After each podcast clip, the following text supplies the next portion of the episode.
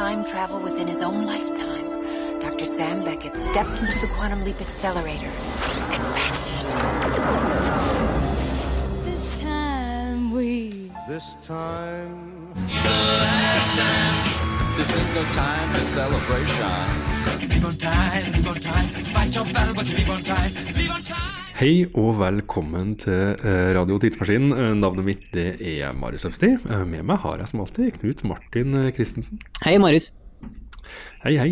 Og vi har fortsatt med oss, eller igjen med oss, Morten Haugdal. Ja, hallo, hallo. Jeg har vært hjemom en tur, og i 1990. Ja. Vel, velkommen tilbake. Takk, takk. Vi, vi skal fortsette med andre ord, vi skal fortsette å snakke om denne punkeruta som vi jeg antar eksisterer, da. eh, Siden vi sitter her og snakker om den. Eh, Marius, Ja, vi har en sponsor igjen. ja. få høre. Eh, men først så må jeg si at eh, om du ønsker å være sponsor av Radio Tidsmaskin, så eh, kan vi godt overbevises med en middag. Eller et par øl en plass. Eh, vi skal til Oslo 11. juni, så hvis Maemo eller noen andre tar kontakt, så blir vi veldig glad for det. Eh, Dagens sponsor er Brukbar Blest, eller Blest som jeg liker å kalle det. Um, et konsertsted i Trondheim. Og Og eh, det, betyr at dere sitter eh, på Blest. Jeg sitter eh, på Grønland i Oslo. Jeg har dere på en liten Skype-skjerm som eh, forhåpentligvis oppfører seg pent eh, gjennom hele sendinga. Um, da vi fant ut at vi skulle på Blest, så tenkte jeg hva er de beste konsertene jeg har sett på Blest? Oi. Og de første to jeg kom på, var um, først fra 2003 med Mew, uh, da de turnerte Frangers-plata, og var et relativt nytt band. Spilt for et utsolgt plast. Uh, det var vel den dagen jeg begynte, å jobbe her også, uh, for 13 år siden. Konsert nummer to var fra 2004, eh, Arthur Lee. Um, en magisk kveld eh, med Arthur Lie her uh, på utsolgt plast. Um, nå har jeg sett gode konserter siden 2004, det må jeg poengtere, men de to står igjen som uh, de beste. Um, ja, Ricochets på tjuvstart når Isolation-plata var blodfersk. Wow. Tror jeg kanskje langt opp på lista mi. Uh, og jeg husker ikke hvilket år det var lenger. Den første Ricochets-konserten gikk ganske dårlig på Blast. det stemmer, det var ikke det. Uh, har du noen eh, blestminner, Morten, når vi først er inne på det? Ah, jeg har kjempemasse blestminner og har sett veldig mye bra konserter her. Uh, Jeg burde ha Jeg er en sånn uh, mann som må ha lang tid på å tenke gjennom sånt. Men uh, Arthur Lie-konserten, forresten, den eh, gikk jeg jo glipp av. eh, med vel vitende bestemte meg for ikke å gå på den, og det har jeg jo angra stort på etterpå. Eh, eh, Var det en statement? det skulle liksom være en, en eller annen statement som jeg ikke vet helt Som jeg Var det, ikke husker var det, hvorfor. var det en punkestatement? En punkerute-statement? Ja, en anti-mojo-platesamler-statement, tror jeg. Selv om jeg satt og så, hørte på Love hele tida på den tida. Så det var dumt. Jeg har sett mye bra. Eh, Swans har jeg sett eh, Kjempebra. Men eh, det, jeg kommer på i farta som Det må være eh, konserten på siste turneen til Dead Moon. Siste gang jeg så dem på veldig lang eh, veldig lang tid, for de eh, ble borte etter eh, det. Eh, En kjempebra konsert, og for meg personlig så betydde det akkurat den konserten og ganske masse, men det skal ikke jeg skal ikke bli helt sosialporno her. For å så dem igjen nå i fjor i Madrid, da hadde de sånn engangsspilling, fordi hver gang de skulle ha blitt gjendanna, så har det hjertet til gitaristen stoppa, og, og så videre, og alt mulig sånt. Nå er trommisen dau, så det blir ikke noen flere sjanser. Men eh, Blast-konserten var skitbra. Ja. Ap- Apropos eh, konserter som du har gått glipp av, eh, Morten. Eh, Per Bergersen, du dro jo for å se Per Bergersen på slutten av forrige sending, eh, på Uffa 1990. Ja. Eh, men vi rakk ikke, glemte ikke vi, vi sa ikke så mye om Per Bergersen. da. Um, og nå har vi jo et helt usedvanlig supert eh, publikum eh, som kan alt om musikk, selvfølgelig. Men kanskje vi skal si litt om Per Bergersen allikevel? Ja, nei, hva er det å si om Per Bergersen, da? Eh, Veldig ukjent eh, artist eh, mens han levde, egentlig. Spil, spilte inn mye eh, eh, demoer for seg sjøl og laga musikk. Spilte i et band som heter Røde Hunder, som ingen har hørt om. Eh, hadde vel litt problemer med å komme seg på scenen og gjøre ting, egentlig. Eh, men på slutten eh, så eh, begynte han å spille en del konserter, på, i Trondheim, da, og så flere på Røros, så det, ting var liksom litt på gang. Og så døde han eh, tragisk. Og, eh, like etter han døde, så eh, samla, ble opptakene hans samla og gitt ut på en sånn støtteplate til Røros fritidsklubb. Og Helge Steen tror jeg er debuten hans som eh, produsent der. Ellers i hvert fall eh, miksa sammen låtene og, og sånt. Eh, ja, eh, jeg hørte det, og den kom ganske eh, kort tid etter han døde, da. Og ble en ekstremt stor hit i miljøet jeg vanka i. i landsbygda i Nord-Trøndelag. Jeg er egentlig fra Steinkjer, men jeg søkte meg til bondelandet på Sandvollan. Der hørte vi på Per Bergersen hele tida og kjente oss igjen i alt. Um, for den som er, er nysgjerrig på Per Bergersen, så kan vi si at på kommentarfeltet på den sendinga vi la ut av forrige podkast med deg, Morten, så har eh, en av våre absolutte favorittlyttere, Kjell Arne Sandvik, eh, eh, lagt ut både bilde fra den UFA-konserten og lenka opp til en nettside der du finner en hel del eh, MP3-er og eh, radiodokumentar bl.a. om Per Bergersen. Så det mm, anbefales eh, absolutt å gå inn, gå inn der. Og for dem som ikke skjønner hvorfor vi snakker om noe som helst, så er det her sending to av, av et DJ-sett vi gjorde på Trondheim Calling, som endte opp med um, utstillinga som vi egentlig på en måte spanner litt rundt. Network of Friends fra Rockheim, eh, som Vigdis Kjellmo og Morten har gjort sammen. Eh, kan du bare sånn kort si hva, hva det Network of Friends på Rockheim egentlig var? Ja, det var en utstilling som endte opp egentlig som en uh, uh, feiring av gjør det sjøl-kultur, da. Og vi fylte en av måtene, en av stiene i gjør det sjøl-kulturen i kjølvannet av punken.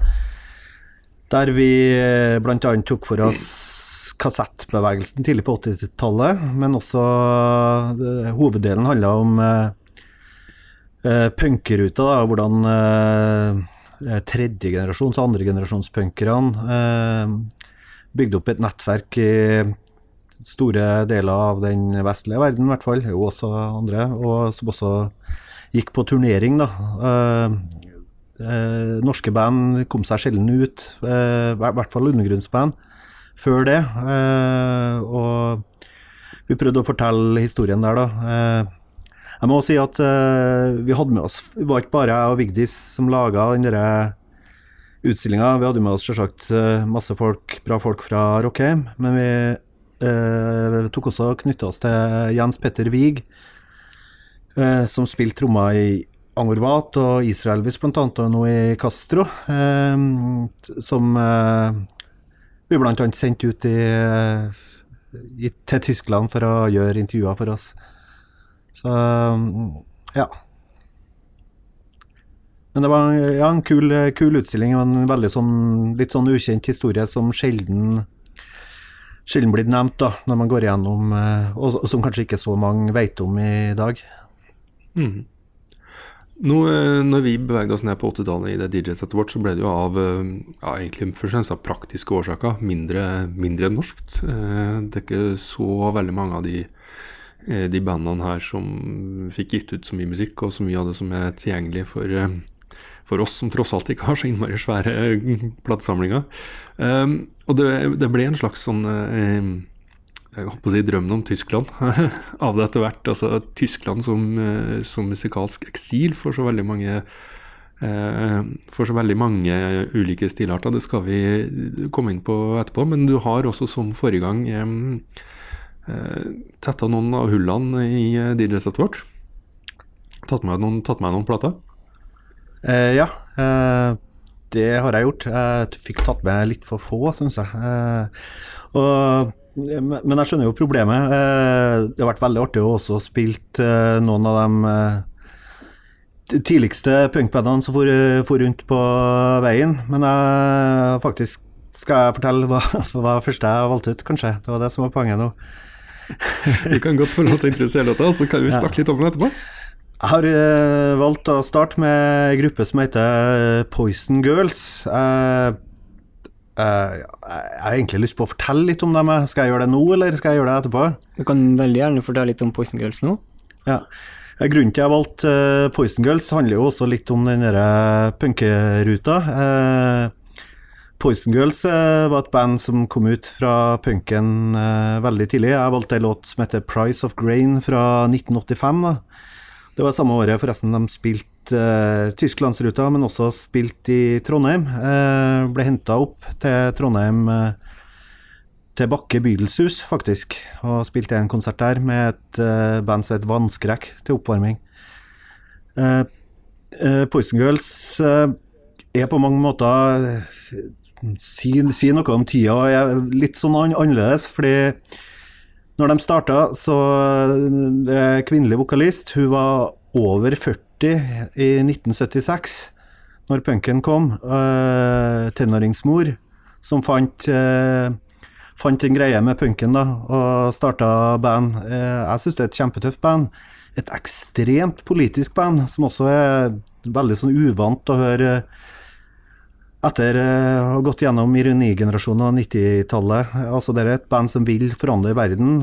Superfeministisk, Superfeministisk, superanarkistisk. Og det at det står en dame på over 40 år på scenen, eh, tror jeg på mange måter var langt mer provoserende og, og enn eh, Johnny Rotten. Altså unge tenårige gutter. Gutter har stått på scenen og brøla siden 1950-tallet, men det her er noe helt nytt.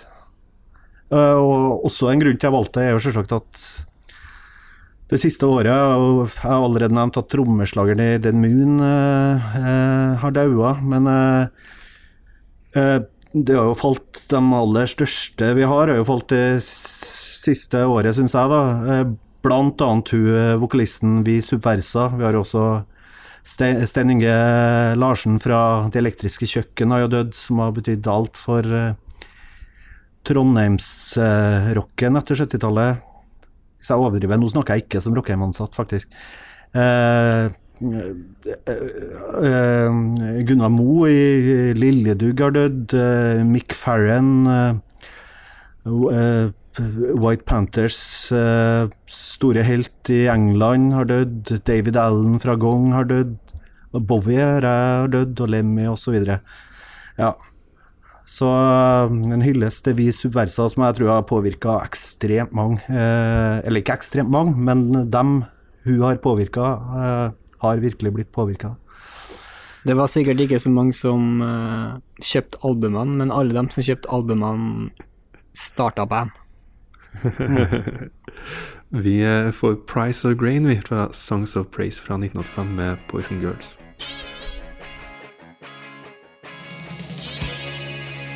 Jeg syns, jeg syns det er et veldig, to veldig fine DJ-sett dere har her. Altså, eh, ikke alt handler om den punkeruta i snever betydning. eh, Men uh, alle de der California-punkbandene er jo kjempe uh, kjemperelevant for denne historien her, og som etter hvert får fullstendig gjennombrudd også i Norge etter hvert. Uh, punken i en slags form.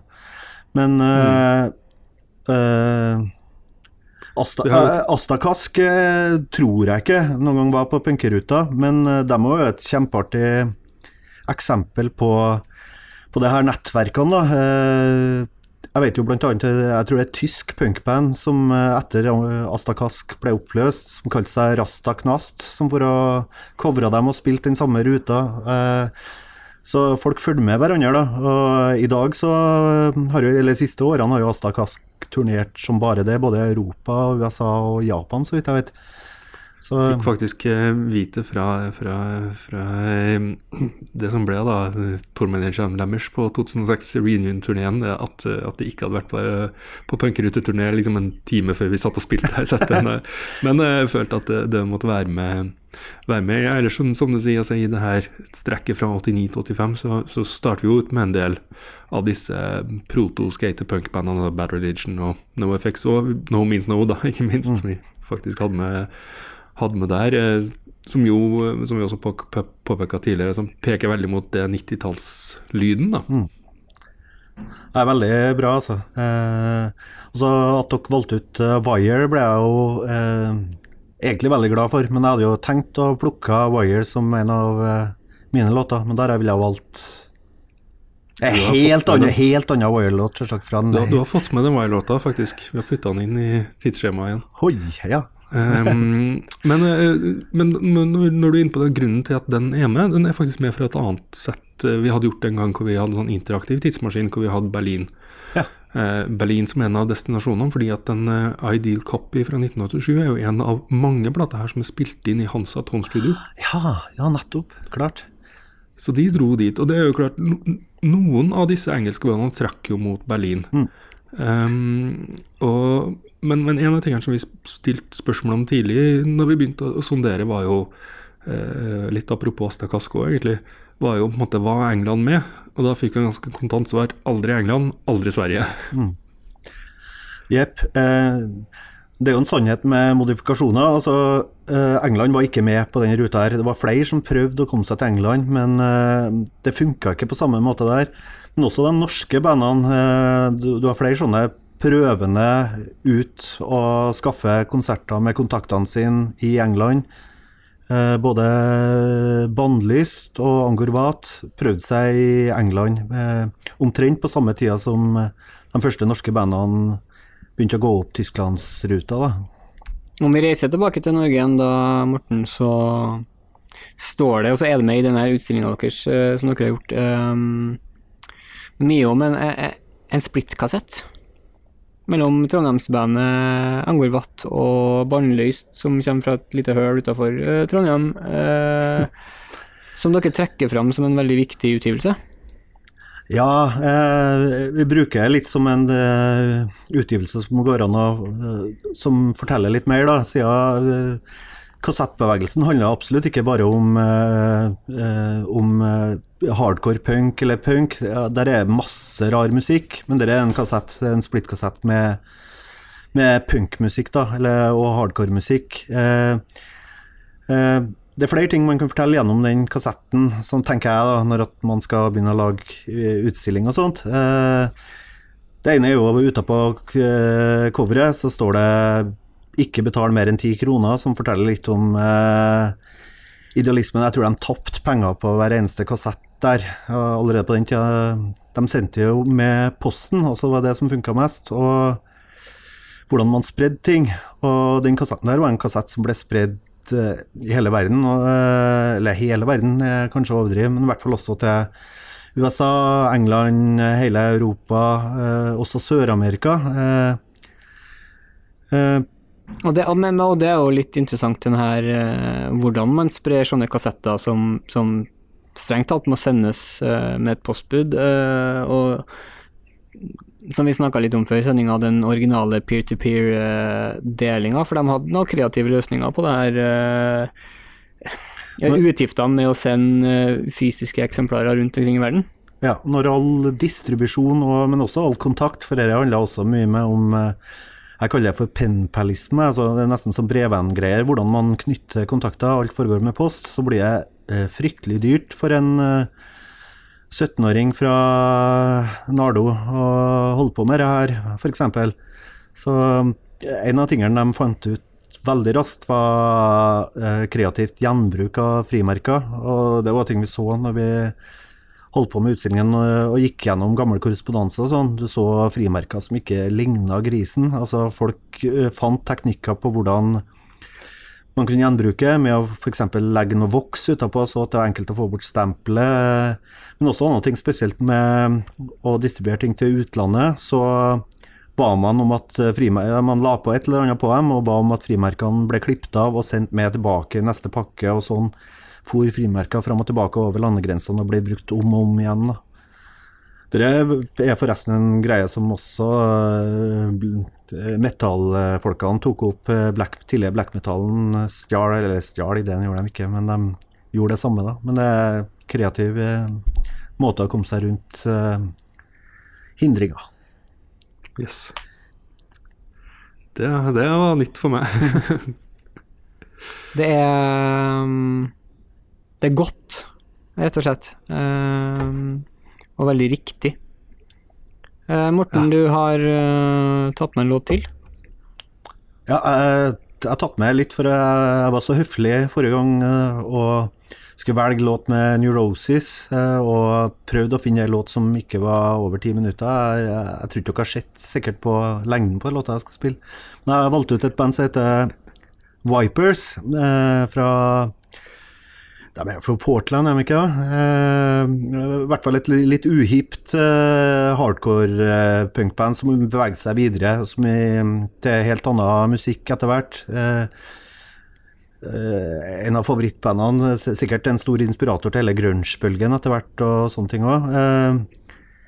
Men de også var et band som eh, Det er uhipt å komme fra oppe i nord i USA på hardcore-tida, men i Europa fant de etter hvert et kjempepublikum før, de, før Kurt, Kurt Cobain gjorde dem mer eh, kjent, da, som covra også flere av låtene deres. Men låta jeg valgte, jeg tenkte var litt sånn smartest, for jeg får veldig mm, Tysklandsfeeling av den låta. Eh, det er en sånn Nesten eneste låta, punklåta jeg vet om, en nesten sånn motorikkrytme. Jeg begynner å tenke eh, tysk krautrock fra 70-tallet når jeg hører den, og den er veldig feit. Fett band, altså. Vi er veldig for eh, lange, lange krautrock-låter her på Radio Tidsmaskin. Nå får vi da, eh, hva vi kaller det, krautgrunge, eh, krautpunk, eh, ti minutter med Youth of America sin eh, Youth of America fra Nei, altså siden Youth America fra Youth America eh, 1981. Det stikker må du ta på nytt. Ok, da. Så streng du da. ja, nei da. Nei, jeg tar ikke på nytt. Kan jeg heller ta med at du sier at jeg må ta på nytt. Ja, ok, greit. Det er fint. Låt. Det var Youth of America eh, med, eh, fra Vipers. Helt umulig for meg å klare å introdusere og utrodusere den låta her ordentlig. Eh, fra 1981, og vi har beveget oss over til, mm, til 84 til 80-strekket i det her DJ-settet. En ting jeg hadde lyst til å spørre deg om, Morten. for Vi vet jo det at, at norske band dro i liten grad til England. Altså, det, var, det var ikke noe suksess, rett og slett. Mange prøvde seg, men det var i liten grad noe suksess. Og um, en del engelske uh, goth, uh, industrial Altså, vi, vi hadde med Susie and the Banshees, uh, Killing Joke, Sisters of Mercy. Etter hvert vet vi også dro en del til, til, til Tyskland og til Europa og spilte konserter, spilte inn plater. Men i hvilken grad var engelsk punk ut på veien i punkeruta? Det, det er jeg ikke sikker på.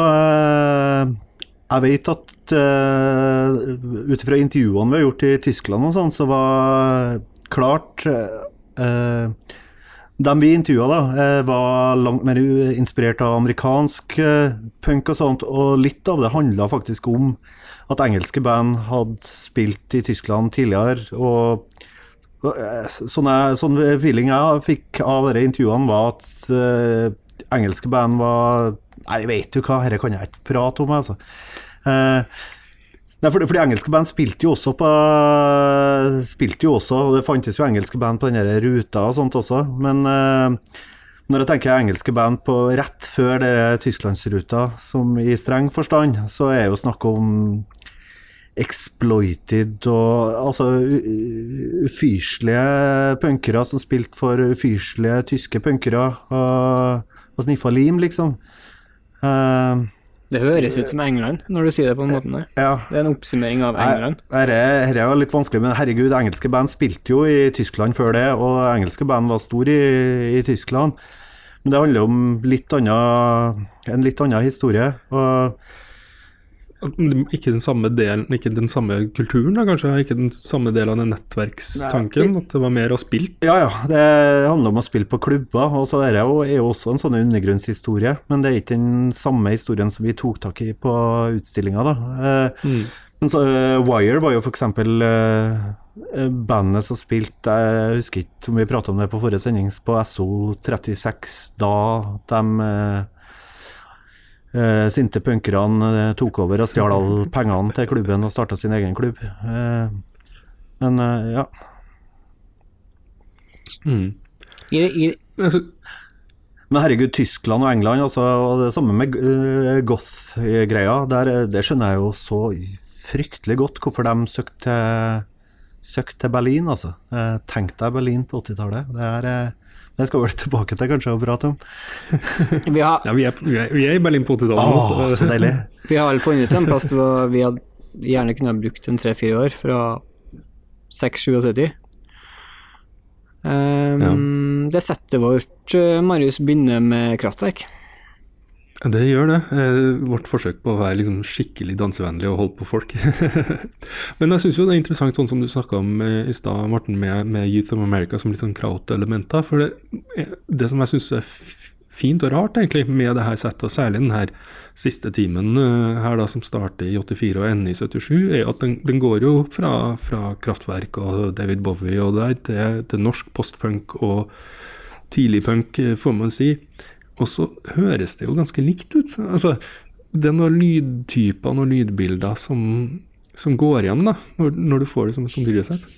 Ja, ingen tvil om det. Eh, det men da det kikker du litt på eh, ah, Det er en diskusjon som jeg lovte meg aldri å uttale meg stort om, eh, høyt om, fordi at det er altfor mange som snakker om det. Men eh, eh, når punken blir til noe annet eh, eh, Norske band ser jo voldsomt til England, og engelske band ser jo voldsomt til Bowie. Altså det, det er den samme det er den samme greia. altså Det som skjer på 80-tallet, alt blir presentert som nytt, men her er kjempelinjer fram og tilbake og sånt. Mm. Og det er jo ingen tvil om at eh, Norge var i ba- bakevja i musikk helt fram Nei, jeg skal ikke si noe Og nå snakker jeg ikke som Rockheim-ansatt. Eh, eh, men eh, at man så til England og plukka trender der, altså, det er det jo ingen tvil om. Altså, når plutselig alle punkerne begynte å eh, la seg inspirere av eh, tysk eh, 70-tallsting og Bowie, samtidig som John Lydon gjorde det i England. Altså, det, Eller to år etterpå i Norge, da. Ja. Mm.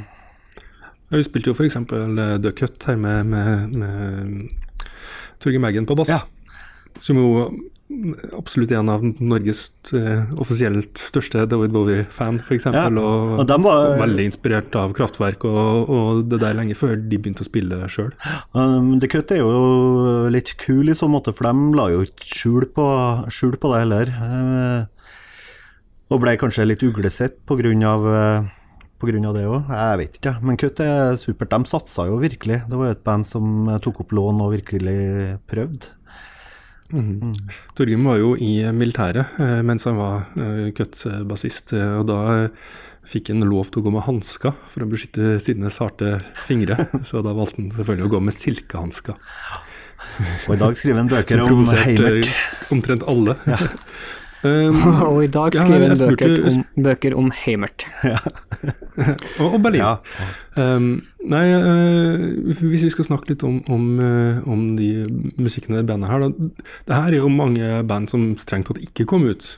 Uh, The Cut kom seg til, til Loppen og Kristiania, vet jeg. Eh, du nevnte vel også at uh, The Press kom seg på studentturné til Polen. Ja, det er jo, er jo en eh, Sikkert kunne ha- laga en hel sending om den turen. Eh, Men eh, det ble jo liksom ikke noe mer av de tingene. Men det var jo Depress og Kjøtt og De aller verste som gjorde en turné, en veldig amputert turné der. Men eh, den eh, burde folk gravd mer i, altså. Eh, jeg har vært så heldig i embetsmed for å bla gjennom eh, noen skreppbøker og kommunikasjonen de har hatt på den turen der, og det er superinteressant. Og det er en sånn annen tid, altså. Eh, Både med hva man vet om livet bak jernteppet, og solidaritet holder på å pike, og, det der er Men jeg vet, jeg ikke noe om det.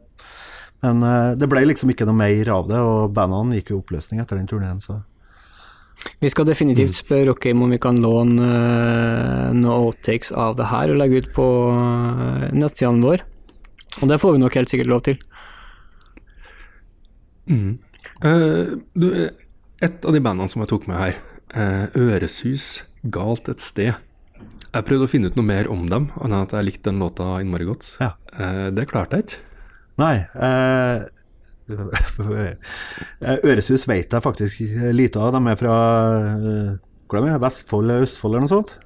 Eh, nei, Øresus er en av bandene som alltid har gått meg hus forbi. Eh, jeg vet at de eh, var et band som starta litt som punker, og også gikk 80-tallsveien og ble fort bort. Eh, men eh, dem vet jeg faktisk veldig lite om. Jeg tror, jeg tror en del av eh, folkene spilte etterpå i et band som heter The Traceman, som er en veldig sånn Backstreet Girls-aktig ting. Så Mm. ting, Ja, det var liksom det eneste. Det stoppa, men det stoppa opp der, og ikke noe kjente navn eller noe. Så jeg, jeg håpa du skulle ha litt til meg. Nei, jeg burde ha gjort leksa mi her, altså. Men, eh, men har jeg egentlig aldri interessert meg personlig før i tida, men jeg må Det er bra. Nå får jeg noe nytt å sjekke. Det er mulig at det var 80-tallets eh, Honningbarna, eh, men det er en låt i det settet her, Morten, som du stussa litt på. Ja, hvorfor har du valgt eh, Jason and the Scorches? Det er bare personlig. Ja, for, Den skiller, skiller, skiller seg ekstremt ut også musikalsk, synes jeg. Ja, jeg syns jo den passa ganske kult inn, da, men jeg kan jo kanskje være enig i at du kunne bytta litt rekkefølge for å få en smoothere overgang her. Nei, eh, Jason and the Scorches er jo også et sånt band som, som altså de, de drev jo vasa rundt i Texas der og spilte denne punk-inspirerte countryen sin. Det er- var jo ikke noe særlig populært, rett og slett. Så de dro også til Europa og turnerte og fikk um, hvor langt et grunnlaget av, av suksessen sin der. Da. Om, om det ikke var punkeruta de dro på, så var det den samme, samme dra til Europa på, på ryggen av den 1984-singelen med, med Absolutely Sweet Marie på, på Asia, som, som dro den. Ble veldig populær i Beat-redaksjonen der Torgrim Eggen satt òg, for en sånn fun, fun fact. Ja. Der, har vi, der har vi linken. Jeg synes jeg Ja, ja, men da, da, da skjønner jeg alt. Ja. Hmm. Ellers er jeg veldig glad at du tok med Sparks, da. Eh, eh, er et band alle må høre på hele tida. Og med det så har vi jo beveget oss over i den siste halvtimen vi gjorde eh, på Trondheim Calling nedover punkeruta. Um, og vi har kommet til 1980. Og du har tatt med en låt til oss. Jeg har tatt med Wire igjen. Eh, eh, Wire ga ut faktisk en plate i uka her, som er meget lovende. Det er fantastisk band som også har spilt en helt sykt bra konsert på Blast, når vi var inne på det. Den kunne jeg også ha valgt. Eh, jeg har valgt eh, Outdoor Miner fra andre skiva deres, Shares Missing. En helt fantastisk plate. Det var vanskelig å velge låt, men eh, veldig fin låt. Ja, det var The Wire Nei, ikke The Wire. eh, Det var Wire. Outdoor Miner, eh, Chairs Missing 1978. Um, vi er jo på starten av eh, den europeiske punken, for å kalle det, så slipper vi å få kjeft av alle som sier at New York Dolls var først ut her. Ja, starten på punken sånn, det, det er jo hele Det er jo alle de diskusjonene jeg skal prøve å holde meg helt, helt unna. Starten på, punk, på den punkruta, punk i smal betydning kunne jeg ha uttalt meg om, men, eh, men det er klart eh, Punken og det som ofte blir regna som start 76, 77 osv. og sånn, det hadde enorm betydning. Det er jo ikke til å underslå det, selv om man kan trekke linja i øst og vest hvis man vil. Men spørsmålet da er vel egentlig hvorfor forbinder vi punkeruta med Tyskland, først og fremst? Hva var det med Tyskland som Hvorfor starta det i forrige sending så snakka vi om uh, strenge tyske punkere som lagde en egen scene, som bruka utenlandske band for første gang på en måte til den banden, og, og, og bygde en infrastruktur rundt de her okkuperte husene og ungdomsklubbene. Eh, Hvorfor skjedde ikke det her i Sveits? Eller i Frankrike? Eller i alle andre I, Spania? Nei, hva er det med Tyskland, da? Eh, hva skal man si? Eh, men eh, å ta Tyskland som utgangspunkt eh, eh, jeg, jeg kan jo ikke si Jeg begynner jo med en gang å snakke stereotyper her nå med, når du spør på den måten, og det, det vil jeg jo ikke gjøre. Det er lov. Men, men uh, Tyskland er et enormt svært land med masse byer og masse plass til subkulturer og flinke folk, altså. De eh, fikk til dere. Samt, samtidig når jeg ser på hele DJ-settet deres, så peker jo på så fryktelig mange andre ting med Tyskland også. Eh, og når vi snakker Tyskland på 80-tallet og slutten av 70-tallet eh, Jeg skjønner jo hva som er tiltrekkende med, med Tyskland. Altså, men jeg skjønner, skjønner ikke like godt som eh, frustrert eh, ungdom rundt omkring i Vest-Europa som dyrker den kalde krigen og bomber som henger over huet vårt. Men jeg skjønner det på avstand, ja. Det falt noen brikker på plass i mitt hode når jeg, eh, når jeg plukka Sparks, egentlig, til det her, til det her settet. En låt som heter 'Rock and Roll People in a Disco World', også for øvrig. Um, fordi Man forbinder jo også selvfølgelig seint 70-talls Tyskland med en sånn type disko. Eh, gjerne av Georgia-områder eh, produsert sånn som den her, eller eh, derivater av det. Men det som jeg ikke var klar over før Eh, før vi satte oss ned og så på det her, var jo at, alt det her ble jo også produsert i Tyskland. Jeg hadde jo regna med at uh, Morado var flydd over til, til New York for å jobbe med Donna Summers, men, men det er München eh, det skjer. Nei, herregud. Det ble gjort mye bra ting i Tyskland. Og også Conny Plank og det, det Tyskland Og så er det et eller annet med det Tyskland har fått urettferdig eh, Jeg husker når at jeg vokste opp at Tyskland ble omtalt som et sånn litt eh, harry og dårlig musikkland, men eh, herregud, det har vært mye bra som har kommet fra Tyskland hele veien. da. Og, og forts fortsette Tyskland på 70- og 80-tallet fortsetter jo å inspirere i dag. Du hører jo både, både Moroder og masse av det kraut-inspirasjon i masse ting i dag. Altså. Det er fremdeles det landet norske band med en liten edge reiser til for å, å, å slå gjennom. Mm. Fordi det er der det er åpenhet for å ta imot dem. Mm. Ja, Det er også noen ting som alle, som, som veldig mange av de vi har snakka med som har reist eh, punkruta og spilt punk på punkruta, er jo at denne, denne sinte hardcore-klubben kunne godt spille eh, tekno etter konserten, og, og vill dans. Og det er noe med som slår meg også at den elektroniske musikken og punken har sånn parallelt gjennombrudd. Ja, det gjelder jo i og for seg England også, men det er så veldig tydelig i Tyskland. Ja. Her burde dere absolutt fått uh, Torgrim, til å, Torgrim Eggen til å komme og prate. Uh, han har mye å si om de tingene der. Uh, ja, eh, ja, det var en annen Det uten å ha med her, men Nå, Nei, vi, har, vi har absolutt lyst til å ha med Torgrim, eh, Torgrim en gang. Altså. Det, det, det vil vi gjerne. nå har du fått den eh, på mail, eh, episoden her, Torgrim, og hørt den, håper vi, så du kan bare plukke en dato i høst der du ønsker å komme og være gjesten vår. Men fantes Vet vi om det fantes den typen klubber? Altså Sånn som disse, disse punkeklubbene, disse ungdomshusene. Fantes de i samme grad eh, i Frankrike, i Italia? Eh, Fins de fortsatt? Jeg tror ikke de fantes i samme grad som Tyskland, men du, du har litt forskjellige uh, typer spillesteder når du ser på Når punkeruta blir tråkka opp. De, det er ikke helt det samme greia i de andre landene, altså. Eh, Tyskland har en det er også ekstremt mange sånne jugendsentrum eh, rundt omkring. Men du finner, ja, du, du finner jo mye paralleller, altså. Eh, også akkurat det jugendsentrum, det, det tror jeg i starten er ganske sånn spesielt for, eh, for punken i starten, selv om det åpnes mye mer. Du finner, finner jo klubber. Og her, herregud, du finner for en klubbscene du fant, eh, fant i Tyskland allerede, på, allerede tidlig, da. For eh, annen type musikk òg. Mm. Ehm, hvis, vi er, hvis vi er i Berlin i 76-77, og du har Iggy Pop og Bowie og Lou Reed og, og, og hele de gjengene, hva var det Hvem var det som starta det her i Norge? Eh, Hvordan kom eh, de norske bandene seg nedover eh, til Europa?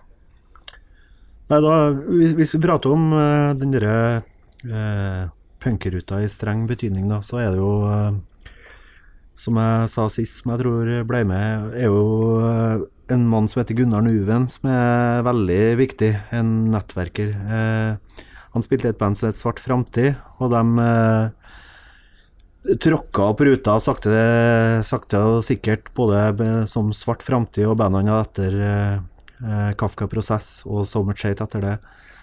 Eh, Hva, men hva var, hans, hva var hans inngang til det å i det hele tatt kunne reise ut fra Norge og spille konserter?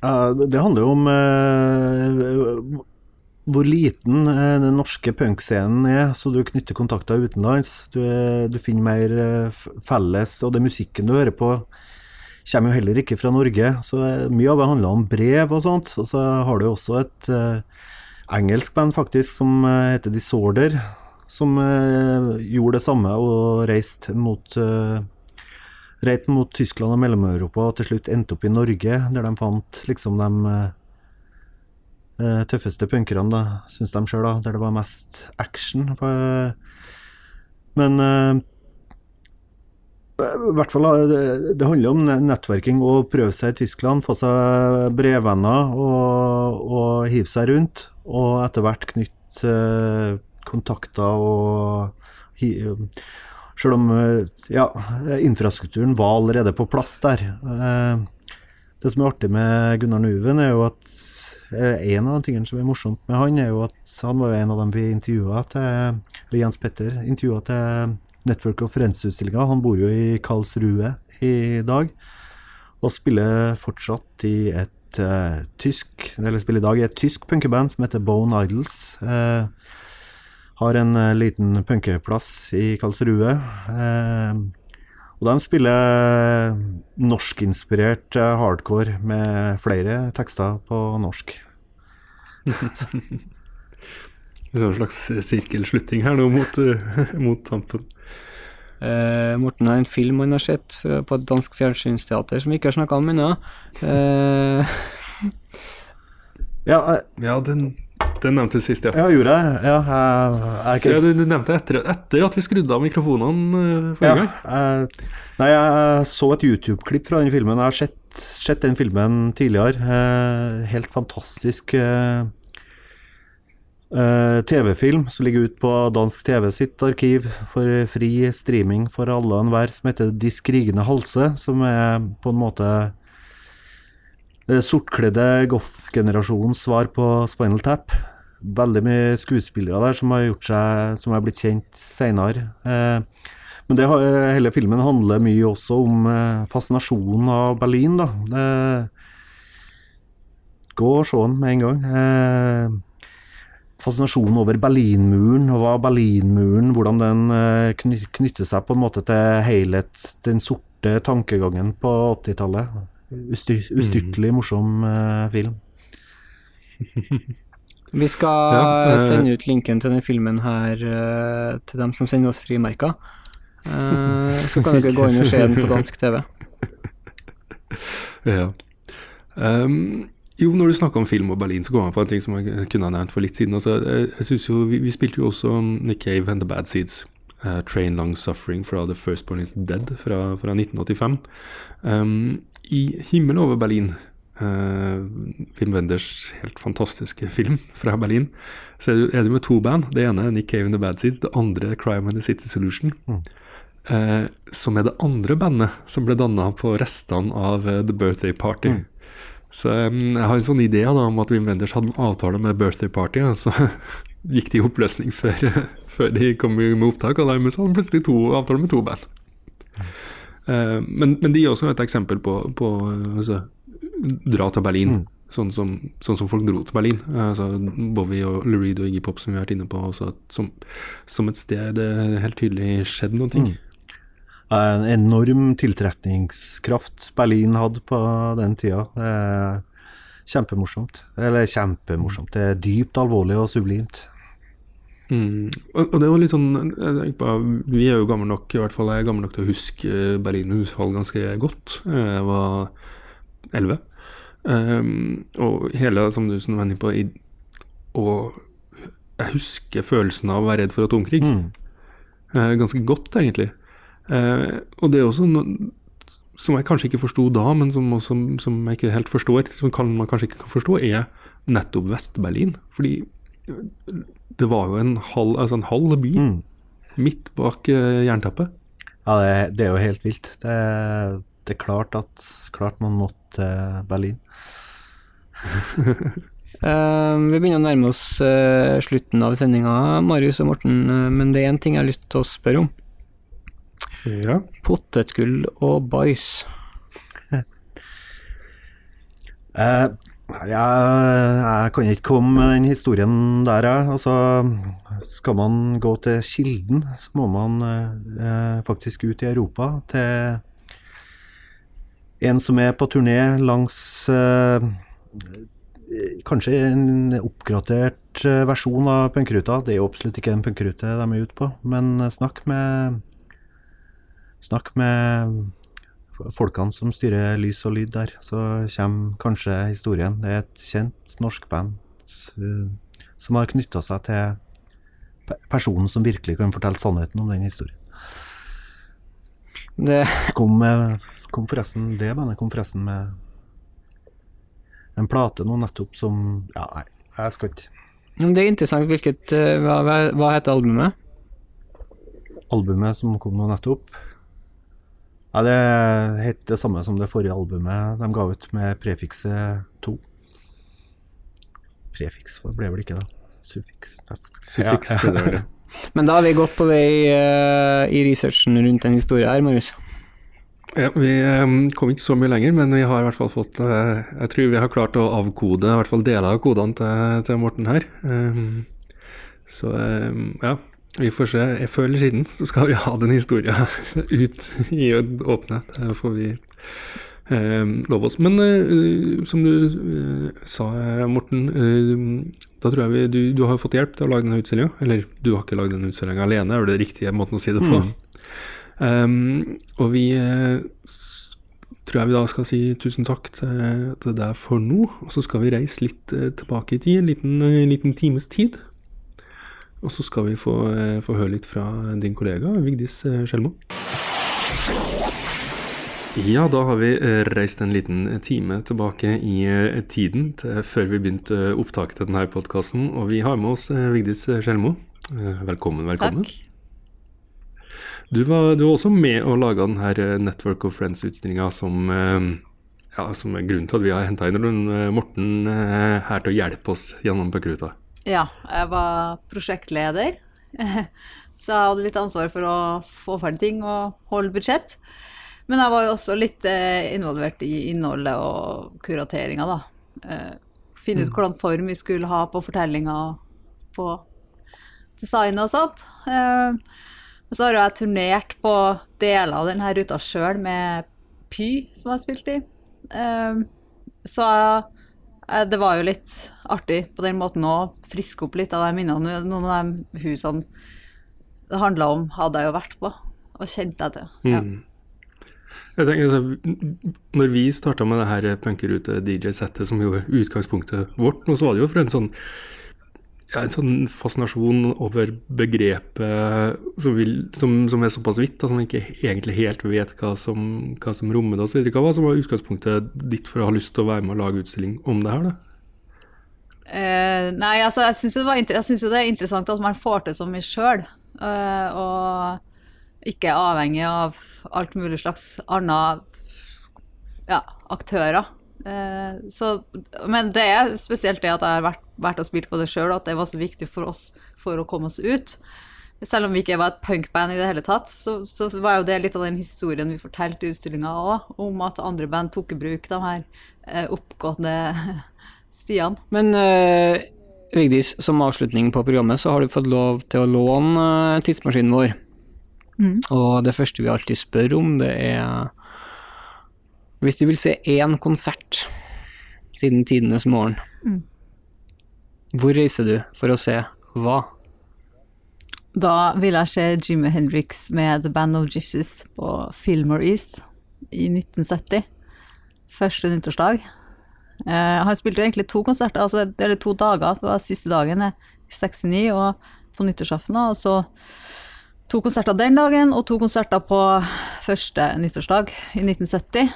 Eh, og jeg syns det bandet hans er skikkelig kult. Det er jo ikke det mest kjente backingbandet hans, men jeg syns det er veldig bra driv. Litt mer nedstrippa, litt mer rett på.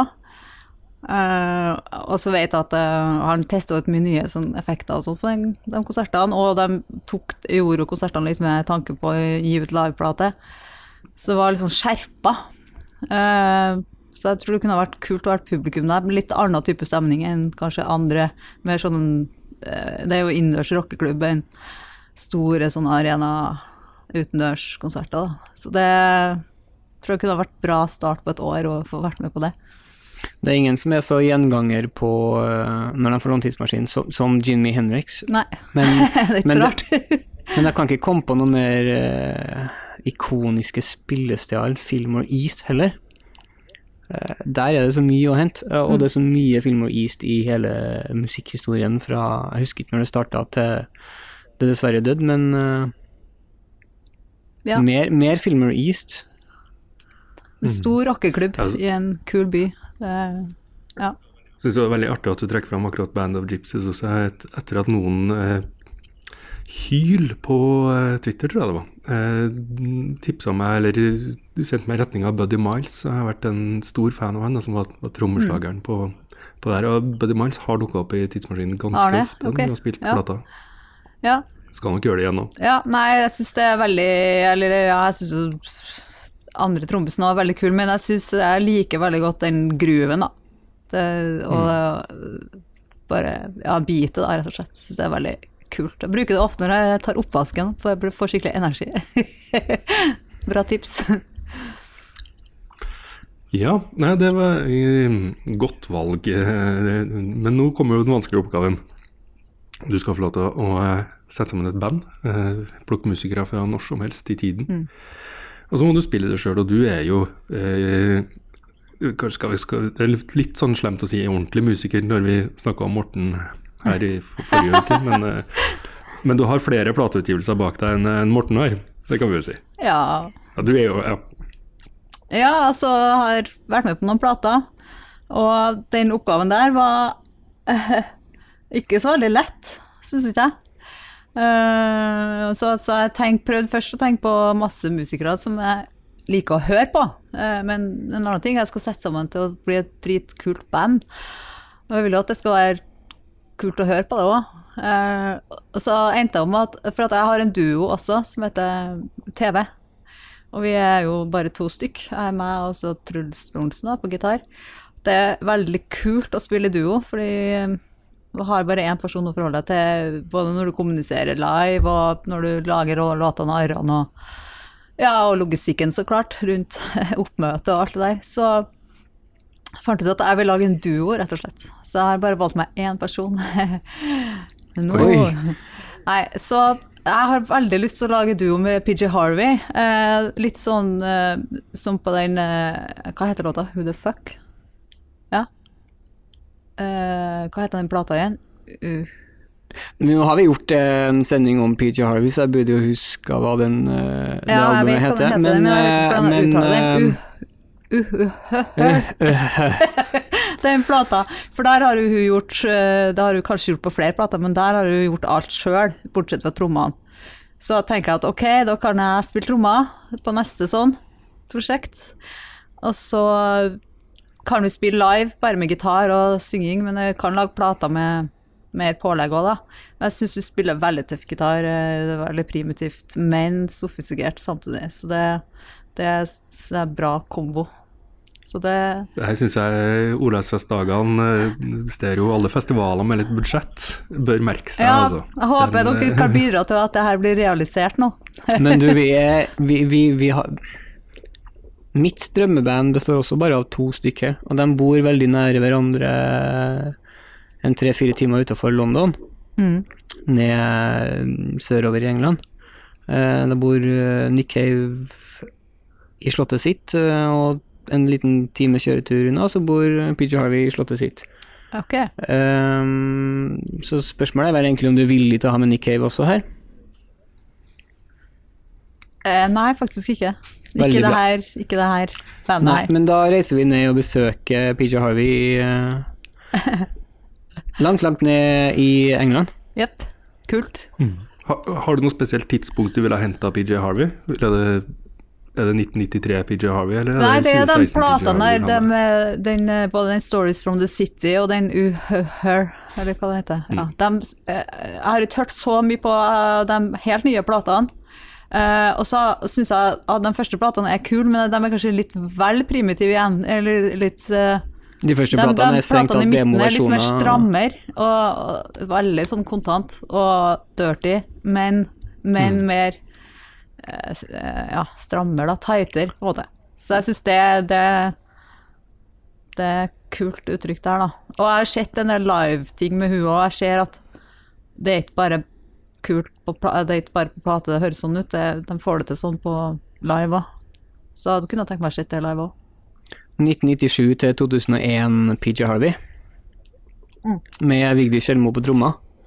Kommer snart til en eh, konsertscene nær deg, i 2017 faktisk.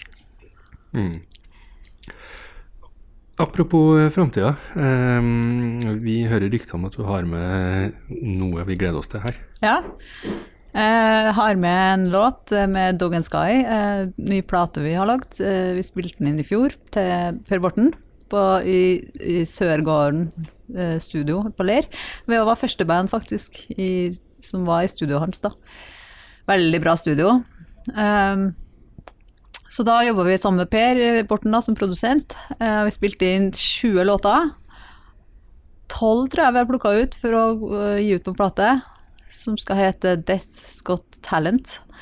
Eh, skal gis ut på Crispin Glover Records nå i høst. Ja, så jeg, var, var, visste helt hvordan låt jeg skulle velge, for jeg er egentlig ganske ja, jeg ganske fornøyd med alle låtene. Uh, men jeg vil, jeg vil, spille en av de låtene som jeg syns har mest uh, energi i seg, da.